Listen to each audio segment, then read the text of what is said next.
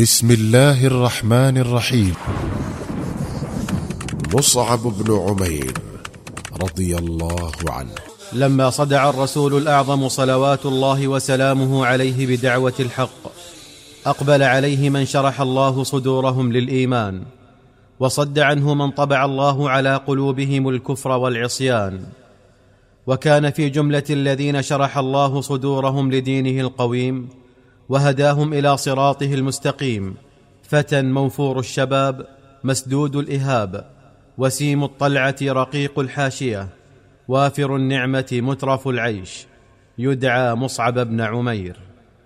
فلقد مضى الفتى النضير ذات يوم إلى دار الأرقم بن أبي الأرقم وقد فاح الطيب من أردانه وبدت النعمة على وجهه. ونمت حلته الثمينة على الثراء العريض الذي كان يتقلب في أكنافه. طرق الفتى الوادع الناعم الباب طرقا خفيفا ففتح له. فدخل إلى الدار على استحياء وحي القوم بأنس ووداعة ثم جلس حيث انتهى به المجلس. فتعلقت به أبصار القوم وهم لا يصدقون عيونهم.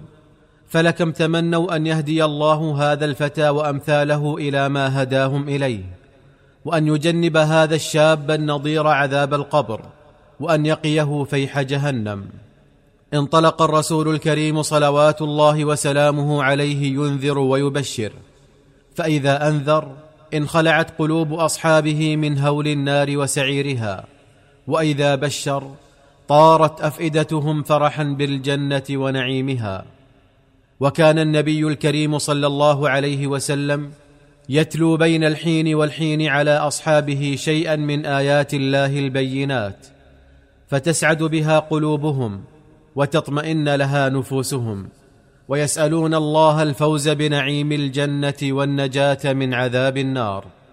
وما إن فرغ الرسول الكريم صلى الله عليه وسلم من موعظته حتى نهض إليه الفتى القرشي في أناه ودنا منه في رفق وهو يقول أشهد أن لا إله إلا الله وأن محمدا رسول الله.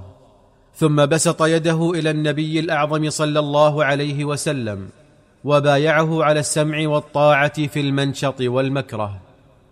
كتم الفتى خبر إسلامه عن الناس فما كان يريد أن يفجع أمه المشغوفة به بنبأ تركه لدينها.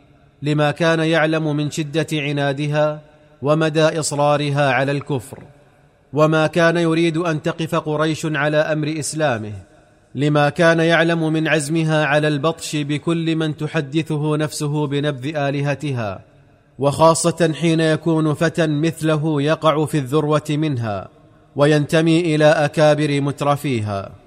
وقد ظل الفتى يختلف إلى رسول الله صلوات الله وسلامه عليه سرا فيسعد بلقائه ويتملى من مواعظه. حتى رآه عثمان بن طلحة يصلي ذات يوم فأذاع خبره بين الناس.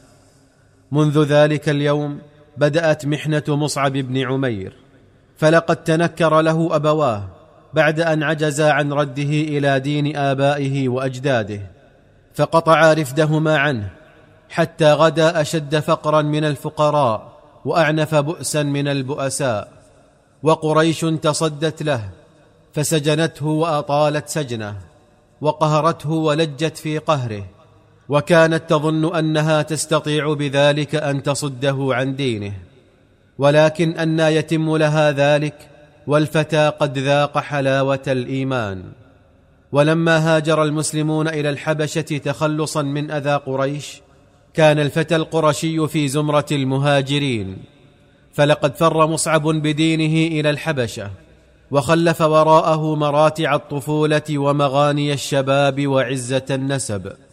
واستبدل بذلك كله بعد الدار ووحشة الغربة وضنك الفقر. ولكن ذلك كله كان قليلا هينا عنده في جنب مرضاة الله ومرضاة رسوله صلى الله عليه وسلم. ولما عاد مصعب من هجرته الأولى أنكره الناس حتى كادوا لا يعرفونه.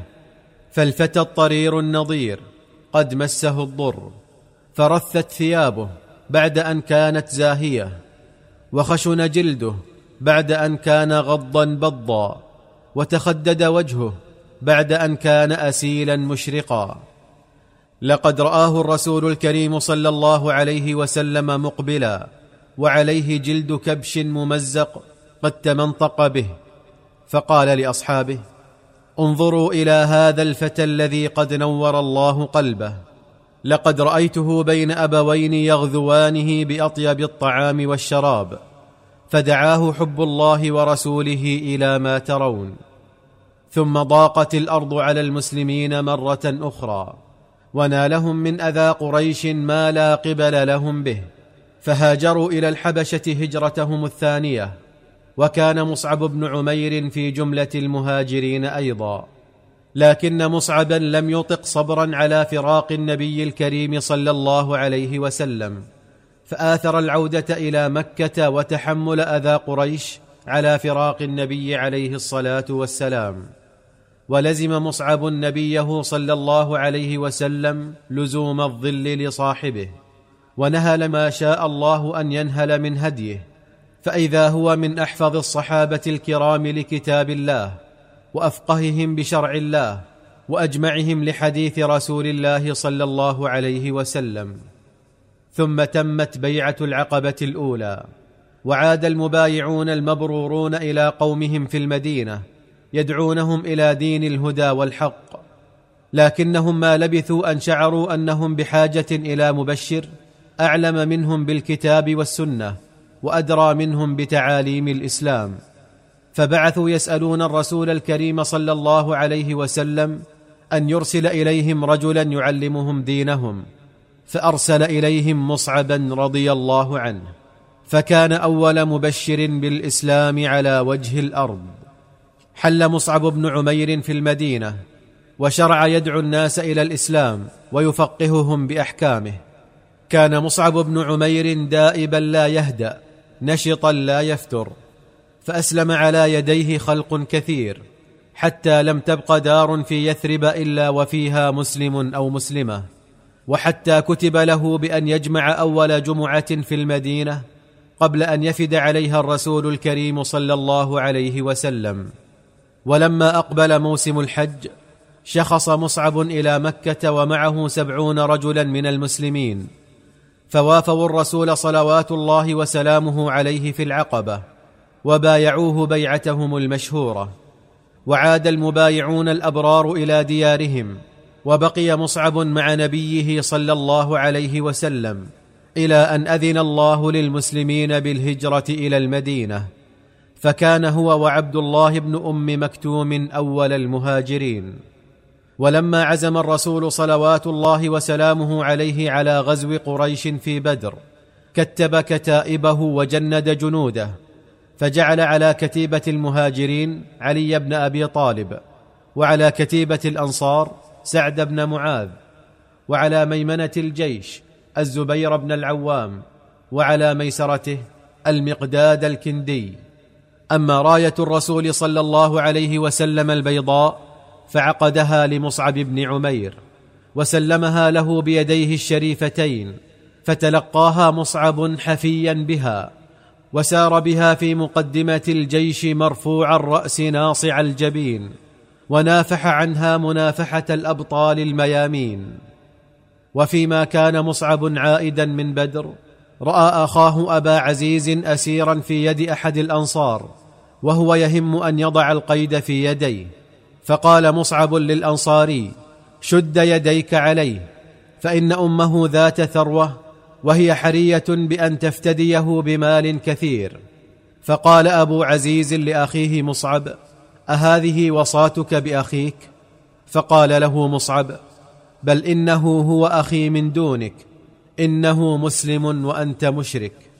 وفي يوم أحد دفع الرسول الكريم صلى الله عليه وسلم برايته إلى مصعب بن عمير كما فعل يوم بدر فحملها مصعب ومشى بها بين يدي رسول الله صلى الله عليه وسلم واشتدت وطأة قريش على المسلمين حتى انكشفوا وتفرقوا عن لوائهم ولكن مصعبا أثبت قدميه إلى جنب نبيه صلى الله عليه وسلم لا يميل عنه ولا يحيد. وهنا أقبل عليه ابن قميئة أحد فرسان المشركين فضربه بالسيف ضربة فسقطت يده وسقط معها اللواء فأخذه باليد الأخرى وعاد الفارس الشقي إلى المجاهد التقي وعاجله بضربة أخرى فسقطت يده الثانية وسقط معها اللواء فأخذه بعضديه وضمهما عليه ليبقى اللواء مرفوعا. وكر ابن قميئة مرة ثالثة على مصعب فأنفذ الرمح في صدره فسقط على الأرض فتلقى اللواء أخوه أبو الروم ورفعه وما زال يحمله حتى بلغ به المدينة. وخرجت قريش من ميدان القتال منتصرة وثاب المسلمون إلى شهدائهم يوارونهم التراب. فإذا مصعب قد خر على وجهه من غير يدين. وهم المسلمون بدفن الشهيد فما وجدوا له كفنا إلا ثوبا صغيرا. إن ستر وجهه كشف عن قدميه وإن غطى قدميه كشف عن وجهه. فأمر الرسول صلوات الله وسلامه عليه بأن يغطى وجهه بالثوب وأن تستر رجلاه برطب الكلى. ثم وقف فوقه وتلا قوله عز وجل من المؤمنين رجال صدقوا ما عاهدوا الله عليه فمنهم من قضى نحبه ومنهم من ينتظر وما بدلوا تبديلا. مصعب بن عمير أول مبشر بالإسلام على وجه الأرض.